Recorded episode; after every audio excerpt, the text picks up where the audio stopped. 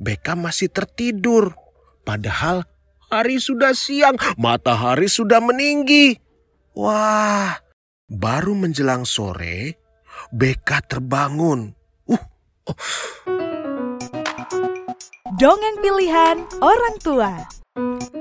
Halo, halo, halo sahabat Nusantara bertutur Di mana saja bisa mendengarkan Paman Giri kali ini Untuk kembali membacakan cerita yang ada di Nusantara bertutur Wah, walaupun hanya lewat suara Kita saling menyapa dan juga mengingatkan ya Untuk selalu menjaga kesehatan Nah, sahabat Nusantara bertutur Selain Paman Giri akan membacakan cerita yang kali ini tulisan dari Teni Ganjar Badruzzaman, ya, Paman Giri juga akan mengajak sahabat Nusantara bertutur untuk jalan-jalan ke beberapa tempat di penjuru Nusantara. Dan kali ini gilirannya ke Kalimantan.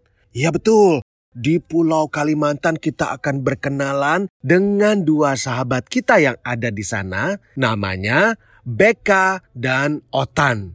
Siapa mereka? Beka adalah seekor bekantan, sedangkan Otan adalah seekor orangutan. Mereka itu bersahabat. Sarang mereka juga berdekatan. Pasti mereka sering bermain bersama ya. Nah, pada suatu pagi, Otan mengajak Beka untuk mencari makanan. Otan berusaha untuk datang ke tempat Beka dan mengajaknya, ayo kita cari makanan sama-sama. Oh, tapi sahabat Nubi, tahu nggak apa jawab Beka? Hmm, Otan duluan saja, soalnya aku masih mengantuk, kata Beka. Wah, Beka ternyata dia masih menggeliat dan mengantuk ingin melanjutkan tidurnya.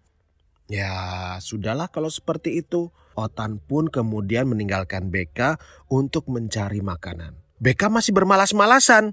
Ya, Otan kemudian berayun dari satu pohon ke pohon yang lain, dari satu dahan ke dahan yang lain, sampai akhirnya Otan menemukan ada pohon pisang yang buahnya, wah, lebat sekali. Ia pun kemudian membawa setandan buah pisang itu ke sarangnya.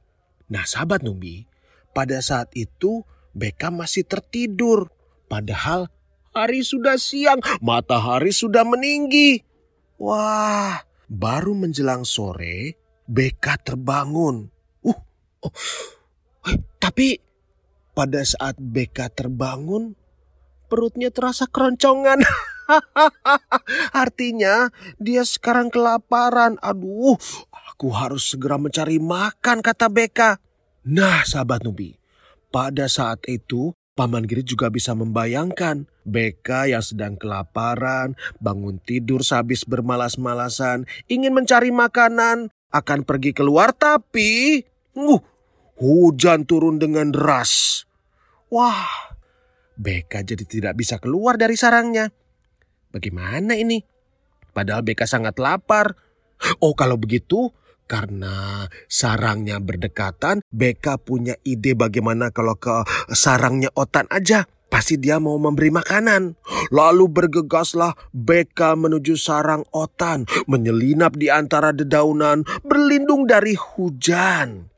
Sampai di sarang Otan, Beka kemudian memanggil Otan, Otan, mana ya? Kok nggak ada? Sarangnya kosong. Wah, Beka kemudian melirik ke kiri, ke kanan. Beka lalu melihat, itu, itu, apa itu? Oh, ada setandan buah pisang milik Otan. Beka mendekati pisang itu dan memakannya satu. Mm, mm, mm, mm. Aduh, kok enak sekali nih, manis pisangnya. Mm. Kalau begitu, aku makan satu lagi. Pasti Otan tidak akan marah, pikir Beckham. Ah, tapi uh, Beka ternyata uh, tidak merasa cukup terus. Uh, dalam hati dia sebenarnya menyangka Otan tidak akan marah. Tanpa pikir panjang lagi, Beka mengambil pisang itu lagi. Lagi, lagi, lagi, lagi. Hampir semua pisang itu habis habis dilahapnya. Oh, oh, oh, oh. Uh, uh. Perut Beka menjadi membuncit. Ia tidak bisa bergerak. Aduh, oh, uh, perutnya terasa sakit. Uh. Beka mengadu. Napasnya juga jadi sesak. Hidungnya yang besar jadi kelihatan naik turun. Nah, sahabat Nubi. Pada saat itu hujan di luar sudah mulai agak reda. Eh, tiba-tiba tidak berapa lama kemudian Otan pun datang ke sarangnya. Ia berteduh tadi di tepi sungai waktu mengambil air. Otan terkejut. Kok melihat keadaan Beka seperti lagi sakit kamu kenapa? Beka bilang perutnya terasa sakit. Hmm.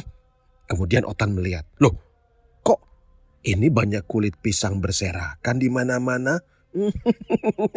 Pasti Beka memakan semua pisangku. Ya pantas saja perutnya sakit. Itu kekenyangan namanya. Oh, Beka sambil mengadu dan menangis minta maaf kepada Otan. Hmm, tapi perutku sakit. Ya, Otan pun kemudian menyadari. Tapi Otan juga memberikan nasihat kepada Beka. Mengambil makanan hewan lain tanpa izin itu kan tidak boleh. Iya, Beka pun menyesal, menunduk dan minta maaf. Ya udah, kalau gitu Otan memberikan air kepada Beka supaya uh, tidak terasa lebih sakit lagi. Ayo minum dulu. Hmm. Tapi Beka masih merasa khawatir Otan marah. Otan pun tersenyum. Hmm, ternyata Otan tidak marah. Ya, asal asal Beka berjanji tidak mengulangi lagi mencuri makanan milik hewan lain. Ya, Kemudian Beka pun meminta maaf, Otan pun memberi maaf. Mereka adalah sahabat yang baik. Sejak saat itu, Beka tidak malas-malasan lagi, rajin mencari makanan. Ia tidak mau menjadi pemalas, ya. Dan ia juga tidak mau lagi mengulang kesalahannya mengambil makanan yang bukan haknya. Beka, si bekantan, dan Otan si orang utan saling menyayangi sebagai sahabat. Nah, ah, itulah sahabat Nusantara bertutur. Tulisan dari Teni Ganjar Badruz Zaman yang judulnya Setan dan Pisang milik Otan eh, tetap tidak boleh mengambil hak milik orang lain.